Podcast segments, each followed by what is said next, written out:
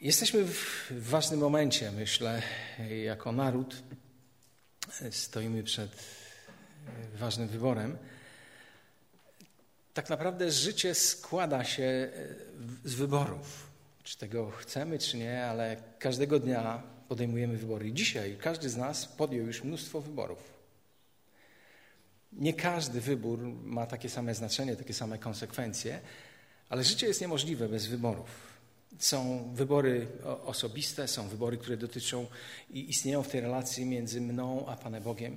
Istnieją również e, wybory dotyczące, e, jeżeli nie mam żony, męża, tego z kim będę spędzał moje życie. Ale mamy też wybory władz, społeczności, miejsc, w których mieszkamy, domów, w których zamieszkujemy, kredytów, na które się decydujemy. Życie jest pełne wyborów. E, młodsze pokolenie już może e, nie wie, jak wyglądały przedtem na przykład wybory w naszym kraju. E, to tak na, na, naprawdę nie miało wiele wspólnego. Na, naprawdę nie wybierałeś, bo miałeś listę ludzi przygotowanych przez jakąś tam jedną opcję. Ale to się zmieniło w ostatnich latach. Myślę, że teraz problemem jest to, że mamy za dużo różnych opcji wyborów. Jest tego tak dużo, że możemy się w tym pogubić. Wygodniej myślę, że byłoby żyć w czasach Starego Testamentu, na przykład w Izraelu. Nie? Bóg wybierał króla. Czynił to poprzez to, że posyłał proroka, który do, dokonywał takiego pomazania, namaszczenia jakiegoś człowieka, którego Pan Bóg, że tak powiem, miał na celowniku jako przyszłego władcę. E, ale to nie było tak jak łatwo, jak nam się to wydaje. To nie było tak, że ten król wybrany przez Pana Boga spadał z nieba dla tego narodu. Tak jak już powiedziałem, e, on poprzez swoich ludzi wskazywał pewnych ludzi, ale to naród tak naprawdę dokonywał ostatecznego wyboru, akceptując ten Boży wybór albo tego nie robiąc. Wiemy, że od początku tak nie było w Izraelu. Pan Bóg najpierw sprawował e, jakby swoją władzę nad tym narodem poprzez e, proroków, poprzez sędziów. Później ludzie zechcieli mieć króla, tak jak mieli to, miały to inne narody, wśród których oni żyli. I Bóg na to przystał, to nie był jego pomysł, przystał. I były takie momenty, gdy naród nie akceptował Bożego wyboru. Sporadycznie, czasami przez dłuższy okres czasu. I tak jak Pan Bóg nie mógł użyć tego człowieka, którego wybrał dla, te, dla tego narodu na ten czas, to zaczął szukać swojego człowieka wśród zupełnie innych narodów. Dla Żyda to było nie do udźwignięcia, że Pan Bóg mógł używać jakichś ludzi, którzy w ogóle nie byli z narodu izraelskiego. Ale gdy ludzie konsekwentnie wypowiadali Bogu posłuszeństwo, Bóg nie mógł znaleźć, ale gdy znajdował nawet tą osobę, albo nie mógł znaleźć takiej osoby w, w swoim narodzie, to wyko do wykonywania swojej woli używał innych władców. Cyrus, Dariusz, Nabukadnezar to nie są Żydzi. A Pan Bóg wykonywał swoją wolę przez tych władców. Nie byli częścią Jego narodu. I myślę, że to pokazuje jedną rzecz z całą pewnością, tą suwerenność Pana Boga. On realizuje swoje cele w sposób niezmienny i nic nie jest w stanie go w tym zatrzymać. Nic mu się nie wymyka spod kontroli. Pytanie. Czy chrześcijanie, czy chrześcijanin powinien włączyć, włączać się w wybory, wybierać? Wiem, że wiele lat temu miałem szansę bycia w Ameryce Południowej, był to Ekwador. I to, co mnie uderzyło w tym kraju, to, co mi powiedziano, Zresztą byłem bardzo blisko parlamentu, zrobiłem sobie zdjęcia z takimi strażnikami, którzy byli w taki no, niezwykły sposób ubrani i w ten czas no, to, to coś mnie zaskakiwało, że oni jakby z dumą dawali sobie zrobić zdjęcia, nie, nie traktowali mnie jako intruza, ale byli dumni z, z tej funkcji, którą sprawowali. Ale w tym kraju, gdy nie głosujesz, przynajmniej tak było, to nie miałeś prawa do zasiłku, nie miałeś prawa do bezpłatnego leczenia. Było to powiązane ze sobą. Myślę, że taki system przydałby się nam.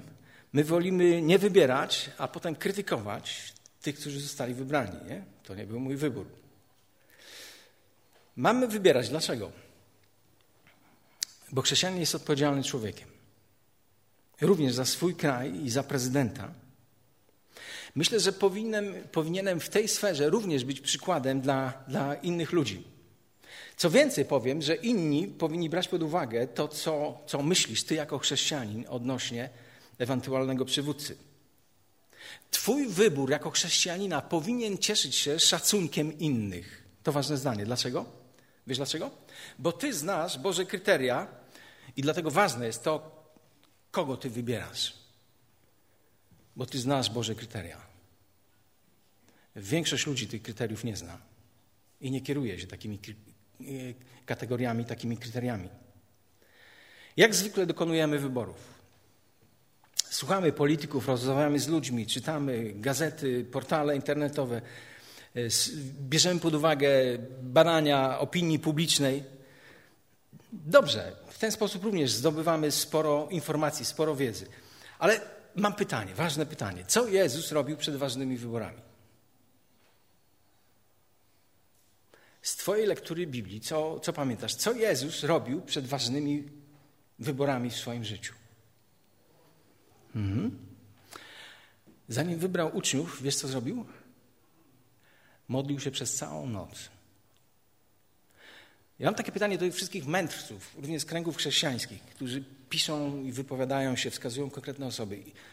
Jak długo ich nogi były ugięte przed ich Bogiem? Myślę, że byłoby dużo lepiej, żeby bardziej swoje nogi zgięli przed Bogiem, niż chwycili kolejny raz za za, za, coś, co za klawiaturę swojego komputera. Jakże inaczej wyglądałyby wybory, jakby inaczej wyglądał nasz kraj, gdyby prezydent, ludzie władzy byli wybierani przez naród, który stoi na kolanach, zanim podejmie decyzję.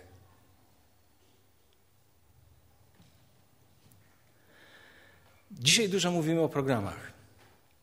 Część kandydatów, polityków mówi, że ważniejsze są programy niż sami kandydaci. Czy to kryterium może być przyjęte? Gdy zaczniesz słuchać tego, co obiecują różni politycy, to już może się wydawać, że w krótkim czasie będziemy żyli w ziemi miodem i mlekiem płynącej. Myślę, że to nie jest właściwe kryterium, bo ludzie bardzo dużo obiecują, a później następuje licytacja tych obietnic. A, jak, a co poleca Biblia? Gdy Bóg wybierał, gdy Jezus wybierał, gdy Paweł wybierał, gdy Tymoteusz wybierał, wiesz kogo szukali? Wiesz kogo wybierali? Człowieka. Wybierali człowieka, odpowiedniego człowieka, a nie odpowiedniego programu. Dlaczego? Bo nawet najlepszy program zostanie zniszczony przez niewłaściwego człowieka. Czyli muszę znać Boże kryteria dla przywódcy, żebym właściwie wybierał, świadomie wybierał. Powiesz, no ale przecież przywódca narodu, prezydent, nie jest kimś takim, jak osoby, o których wyborze mówi, to, mówi ta księga. Myślę, że nie znajdziemy idealnego człowieka, ale z tych, co są, będziemy potrafili wybrać najwłaściwszego, jeżeli będziemy znali te kryteria. Gdy tych kryteriów nie znamy, kierujemy się bardzo różnymi informacjami, preferencjami, często bardzo dalekimi od tego, o czym mówi ta księga. Jakie są te Boże kryteria? Jedno z nich, cytuję. Kto o biskupstwo się ubiega, pięknej pracy pragnie. Ten tekst mówi o chęci do sprawowania tej służby. Ja myślę, że jak teraz już mamy tylko dwóch kandydatów, ale było ich dużo więcej, to pokazuje, że nie brakuje chętnych, prawda? Jakby te progi były mniejsze, to byśmy mieli jeszcze większy, że tak powiem, zalew tych ewentualnych kandydatów. Dlaczego, dlaczego jest tak wielu chętnych ludzi do tego, żeby być, znaleźć się w tej roli przywódczej? Dlaczego? Wiecie dlaczego? Bo ludzie nie znają tak naprawdę natury przywództwa, nie, nie wiedzą o tym, na czym polega ta służba. to wielkie zadanie. W pierwszym kościele to była służba, to były prześladowanie, to była odpowiedzialność. Tym wiązało się, z tym wiązało się bycie przywódcą w pierwszym kościele. Ze służbą, z prześladowaniem i z niesamowitą odpowiedzialnością. Nie chodziło o ciepłe, dobrze płatne, przyprawione prestiżem miejsce, czy też posadkę. Na chwilę wróćmy do wyborów prezydenckich. Ja potem dużo bardziej będę mówił o wyborze starszych, ale myślę, że w kontekście tej sytuacji to mogą być rzeczy, które mogą się przydawać. Jak patrzymy na kandydatów, na tych, których mamy, na tych, których mieliśmy, który z nich naprawdę rozumie naturę sprawowania tego urzędu? Kto jest w stanie wziąć odpowiedzialność? Kto jest w stanie cierpieć? Kto jest w stanie podjąć niepopularne decyzje? Nie tylko broniąc swojego dobra. A żebyś mógł dokonać takiej oceny, musisz trochę wiedzieć o tych ludziach. To samo dotyczy skutecznej modlitwy o tych ludzi. Wiesz, kiedy mogę się skutecznie modlić? Kiedy naprawdę coś zaczynam wiedzieć i o sytuacji, wiem o sytuacji osoby, o, której się, o którą się modlę. Wiecie, że ci, którzy uważają, i to jest Ewangelia Marka, to są słowa Jezusa, wiecie, że ci, którzy uchodzą za przywódców narodów, podporządkowują je sobie, a ich dostojnicy uciskają je. Nie tak ma być pośród was. Kto między wami chciałby być wielki, niech będzie sługą. Niech będzie sługą. A kto między wami chciałby być pierwszy, niech będzie sługą wszystkich. Widzisz naturę prawdziwego przywództwa?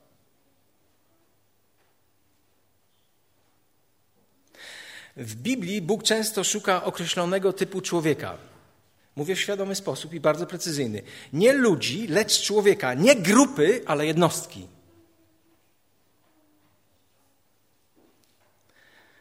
Cytuję. Pan wyszukał sobie męża według swego serca.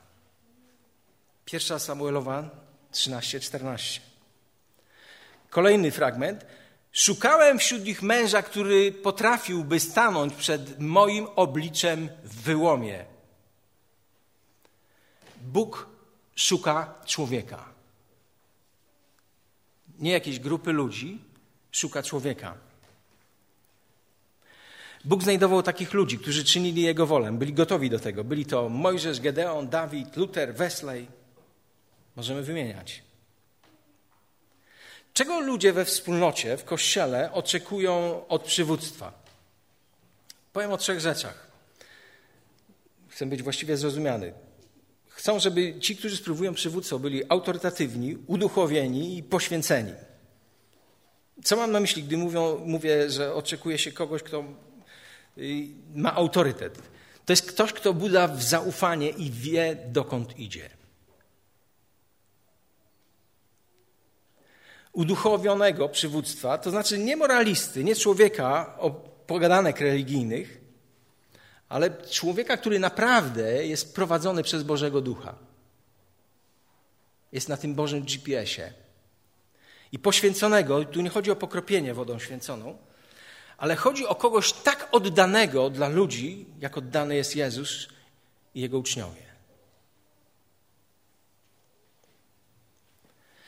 Duchowych przywódców nie zdobywa się na drodze wyborów. Twój i mój wybór jest, z nikogo nie może uczynić przywódcy. Możesz mu powiedzieć funkcję przywódcy, ale przywódcy nie uczynisz swoim, ani ja swoim wyborem. Wiesz, kto czyni z człowieka przywódcę? Pan Bóg. I dobrze jest dla wspólnoty, jeżeli wspólnota odkrywa ten Boży wybór. Dobrze jest dla narodu, gdy naród odkrywa kogoś, kogo Bóg ma na ten czas dla tego miejsca, dla tego narodu, dla tej sytuacji. Czyli duchowych przywódców nie zdobywa się na drodze wyborów przez synody, konferencje, zebrania członkowskie, To Bóg czyni z ludzi przywódców. Można przeczytać sporo książek na temat przywództwa, można ukończyć pewne szkolenia dotyczące tego, jak być liderem. To są pożyteczne rzeczy, ale żadna z tych rzeczy nie uczyni z ciebie czy ze mnie przywódcy. One mogą pomóc, ale one tego nie zrobią. W sensie uczynienia z siebie i ze mnie przywódcy. Duchowego autorytetu nigdy nie można zdobyć na drodze głosowania. Tak się nie da. Duchowy autorytet rozwija się często niepostrzeżenie u tych ludzi, którzy przez długi czas chodzą z Bogiem, którzy poddają swoje życie samodyscyplinie, są pracowici. To są ci ludzie, którzy od długiego czasu szukają najpierw interesu Bożego Królestwa. I to tym ludziom Pan Bóg daje swój autorytet.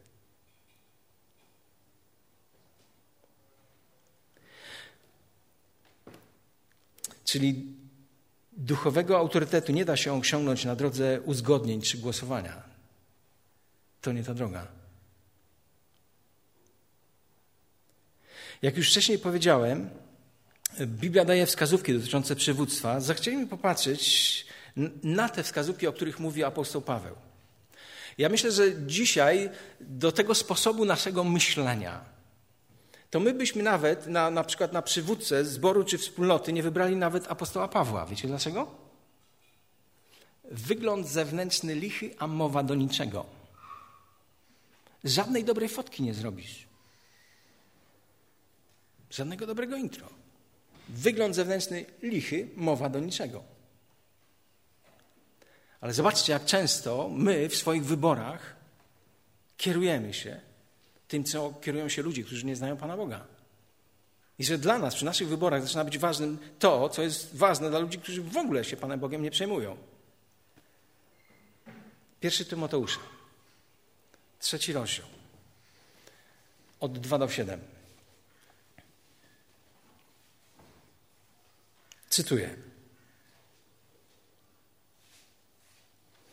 Zacznijmy od pierwszego wersetu. Słuszne jest stwierdzenie, że kto ubiega się o starszeństwo, pragnie pięknej pracy.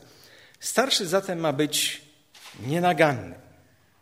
Powinien być mężem jednej żony, człowiekiem trzeźwo myślącym, umiarkowanym, przyzwoitym, gościnnym, zdolnym do nauczania, wolnym od nałogów, niewybuchowym, lecz łagodnym, nienastawionym na pieniądz, dobrze kierującym własnym domem, dzieci trzymającym w posłuszeństwie z wszelką godnością. Bo skoro ktoś nie potrafi kierować własnym domem, jak może troszczyć się o Kościół Boży? Starszy nie powinien być człowiekiem świeżo nawróconym, aby nie popadł w pychę i nie ściągnął na siebie wyroku podobnego jak diabeł. Powinien natomiast cieszyć się dobrą opinią u ludzi spoza Kościoła aby nie spotkał się z lekceważeniem i nie wpadł w sidła diabelskie. Nowy Testament często używa takich słów biskup i starszy, i to naprawdę to, te określenia dotyczą tej samych osób. I starszy podkreśla bardziej status i rangę przywódcy, a biskup określa jego zadania i obowiązki. Pierwsze określenie, czyli starszy, odnosi się do, do samej osoby, Drugie, biskup raczej do pracy, którą on wykonuje. I ten fragment daje nam pewne kwalifikacje, pewne kryteria. Pierwsze to, tak ja określę kwalifikacje socjalne. Bez nagany. Czyli w charakterze przywódcy nie powinno być niczego, co można byłoby uczciwie, mówię uczciwie zaatakować, bo to, że będzie atakowany, to jest jak w banku. Ale nawet tacy malkontenci narzekający nie, mo, nie powinni, nie mogą mieć powodu do takiego rzeczywistego, prawdziwego pokazania czegoś niewłaściwego. Nienaganny. Mają mieć, druga rzecz, jeśli chodzi o te kryteria społeczne, dobrą opinię u tych, którzy nie są częścią wspólnoty. To ciekawe. Czyli naprawdę, jak chciałbym mieć dobre rozeznanie odnośnie osoby, czy się nadaje na ten urząd, czy nie, to powinienem pójść do ludzi, z którymi ten ewentualny kandydat na starszego, że tak powiem, pracuje. Wiesz dlaczego? Bo my siebie tu oglądamy przez dwie godziny, przez cztery godziny, sześć godzin w tygodniu. A ktoś, kto pracuje z tobą albo ze mną, to ma, macie na celowniku przez dziesięć, przez sporą ilość godzin. Dobrze byłoby pójść na przykład do żony czy do dzieci tego, tego ewentualnego wybieranego człowieka starszego i zapytać, tak porozmawiać o tacie, o mężu, bo ci ludzie dużo lepiej znają tę osobę przez długi czas. Czyli to musi być osoba, która cieszy się autorytetem. Czyli to były kwalifikacje socjalne. Drugie, kwalifikacje moralne. Te zasady moralne są coraz bardziej atakowane i próbuje się zrobić taką dychotomię. Mówi się, e, e, urząd to urząd, e, a życie prywatne to życie prywatne. Biblia nie zna, nie zna takiego dualizmu. Masz być, mam być, przywódca ma być przejrzysty, ma być taki sam. Nie mogę mieć jakichś dwóch różnych osobowości. Nie mogę być kimś różnym w jednym środowisku i kimś innym w innym środowisku.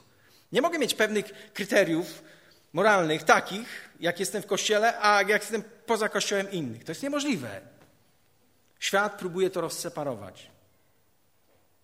I wiecie, jest obłędem, że ludzie jadą, przedstawiciele narodów gdzieś do ONZ i uczestniczą w wielkich debatach i dyskusjach, konferencjach na, na, na temat e, ważności utrzymywania układów międzynarodowych, a w tym czasie, w tym czasie zdradzają swoje żony i swoich mężów.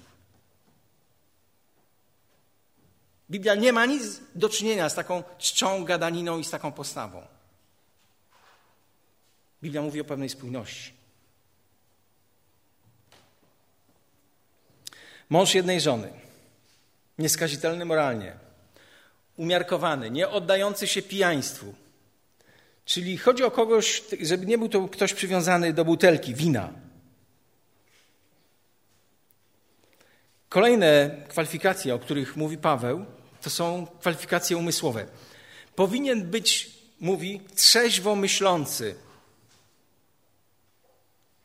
Co to znaczy trzeźwo myślący? Taka definicja. Posiada zrównoważony stan umysłu wynikający z samodyscypliny. Trzeźwo myślący, trzeźwy to posiadający zrównoważony stan umysłu wynikający z samodyscypliny. Dla Greków trzeźwy to był ktoś, kto nie poddał się nagłym impulsom, nie przechodził z jednej skrajności w drugiej, w drugą. Dla Greków to właśnie oznaczało bycie trzeźwym. Czyli osoba, która pozostaje w pewnym środku, w pewnym balansie. Dla nich na przykład odwaga leżała pomiędzy brawurą a nieśmiałością. Coś w środku. I przywódca posiadający taką cechę będzie panował nad każdą dziedziną swojego życia. Kolejny wymóg, jeśli chodzi o kwalifikacje umysłowe, to Biblia mówi, że człowiek, który nie potrafi skutecznie nauczać innych, nie nadaje się na starszego. Dobry nauczyciel, mówi pismo. Duchowy przywódca jest odpowiedzialny za nauczanie ludzi, których Pan Bóg mu powierza, i to nauczanie ma być poparte nienagannym moralnym życiem. Kwalifikacje osobowościowe. Nie może być porywczy, lecz łagodny. Czyli nie może to być osoba, która lubi się sprzeczać. Ma być gościnny, przyjacielski. Nie może podchodzić do tego jak do przykrego obowiązku. To dotyczy, myślę, również żony przywódcy, gdyż na nią głównie spada głównie to, to brzemię gościnności. Kolejna rzecz, o której mówi pismo, Chciwość i miłość pieniędzy to cechy, które dyskwalifikują człowieka, jeśli chodzi o przywództwo. Myślisz w tych kategoriach o przywództwach, o przywództwie, o przywódcach? że chciwość i miłość pieniędzy to dyskwalifikacja. To nie może być człowiek, który głównie chce pewnej funkcji, pozycji, bo to jest związane z, zapłatą. Pewno pewien pastor otrzymał taką propozycję. Z góry jest mało, obowiązki y, niewielkie, przychody bardzo dobre, okolica bardzo zdrowa. Jak odpowiedział? Niestety jest tu zbyt dużo pieniędzy, a zbyt mało roboty. To był rasowy przywódca. Kolejne kryterium, o którym mówi pismo, jeśli chodzi o przywódców, to są kwalifikacje rodzinne. Przywódca musi umieć zarządzać własnym domem. Musi utrzymać dzieci w posłuszeństwie i uczciwości. Musi umieć to robić. W sposób właściwy, oczywiście. I myślę, że musi mieć taką żonę, która podziela te duchowe aspiracje swojego męża i godzi się na zniesienie tych ofiar, które są z tym związane, bo to nie jest tanie. Jeżeli człowiek nie potrafi stworzyć takiej atmosfery radości i właściwej dyscypliny w swoim domu, to jak może dbać o coś takiego we wspólnocie, w kościele? Jeżeli masz kogoś, kto masz stragan i masz tam sprzedawcę, który sprzedaje, nie wiem, truskawki i warzywa i nie jest tym uczciwy, to powierzysz mu później, jak winiesz biznes i będziesz właścicielem banku, żeby był wiceprezesem tego banku? Jak on nie potrafił w taki podstawowy sposób obracać biznesem związanym z ziemniakami i z? Biblia mówi, że ten człowiek nie może zaniedbywać rodziny z powodu obowiązków przywódczych. Wiemy, że wielu przywódców tutaj przegrywa, ale chcę powiedzieć, że wielu ludzi w tym pomaga. I często ludzie, którzy mają duże rodziny, dają dużo czasu dla wspólnoty, dla innych ludzi, a ci, którzy często nie mają takich rodzin albo są sami, dużo mniej tego czasu dają.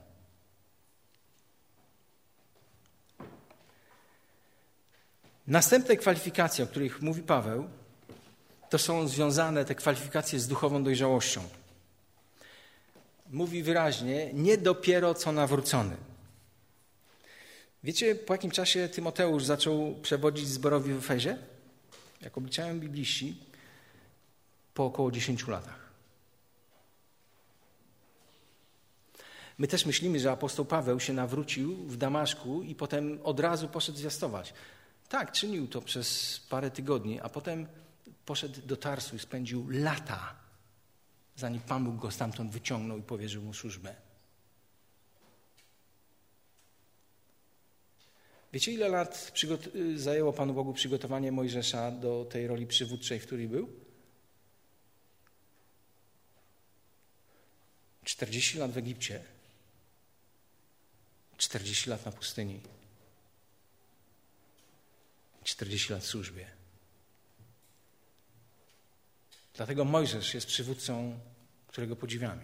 Jest tym, kim jest. Najpierw spędził 40 lat w Egipcie, myśląc, że jest kimś. Potem spędził 40 lat, myśląc, że jest nikim o sobie. A potem zobaczył, co Pan Bóg przez 40 lat jest uczynić z kimś, kto jest nikim.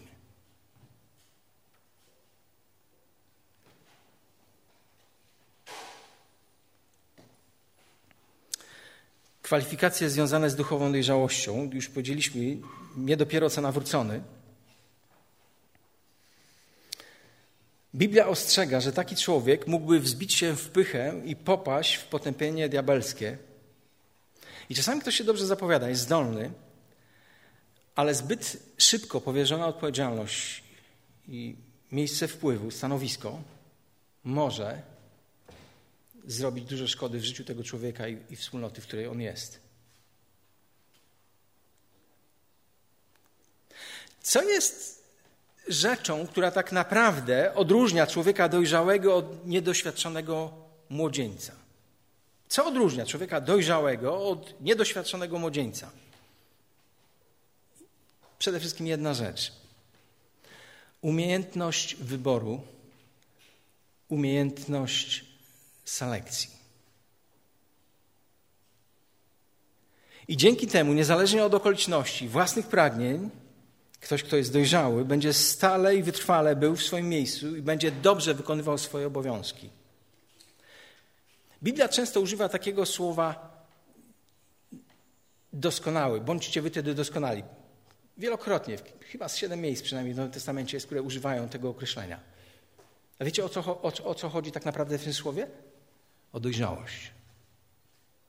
Nie taki nienaganny z aureolą nad głowie, doskonały, ale dojrzały.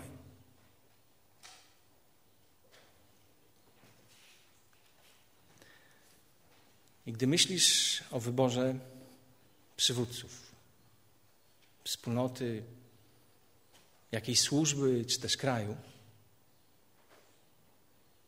czy możesz powiedzieć, gdy przyłożysz to kryterium, że to jest człowiek dojrzały?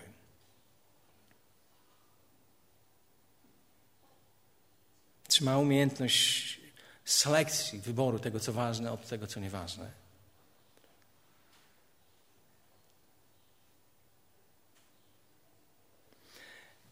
Kończąc, gdy mówimy o przywódcy, to musimy, to musi być to człowiek, skracając, panujący nad sobą, trzeźwy, skromny, wytrwały w pracy, inteligentny, nie może być chciwy. Na grosz, na sławę. Nie może być, myślę, za zbyt stary albo za młody. Jest bardzo dobrze, jest najlepiej, gdy jest ojcem rodziny o właściwej reputacji. Człowiek, który ma zdolność i dar mówienia w sposób przekonywujący. Parę kryteriów. Myślę, że mogą być pomocne.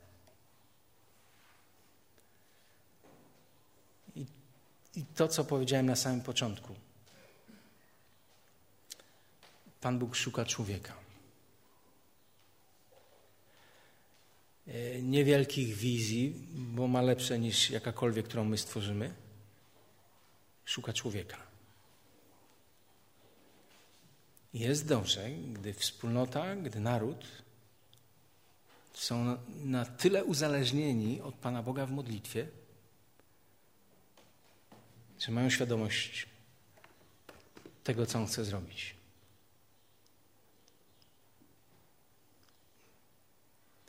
Będzie dobrze, że zanim pójdziemy i wrzucimy zagłosujemy na kogoś w zborze czy w kraju, jak Twoje i moje nogi się trochę zegną. I posłucham Jego kryteriów. I będzie błogosławieństwo. Amen.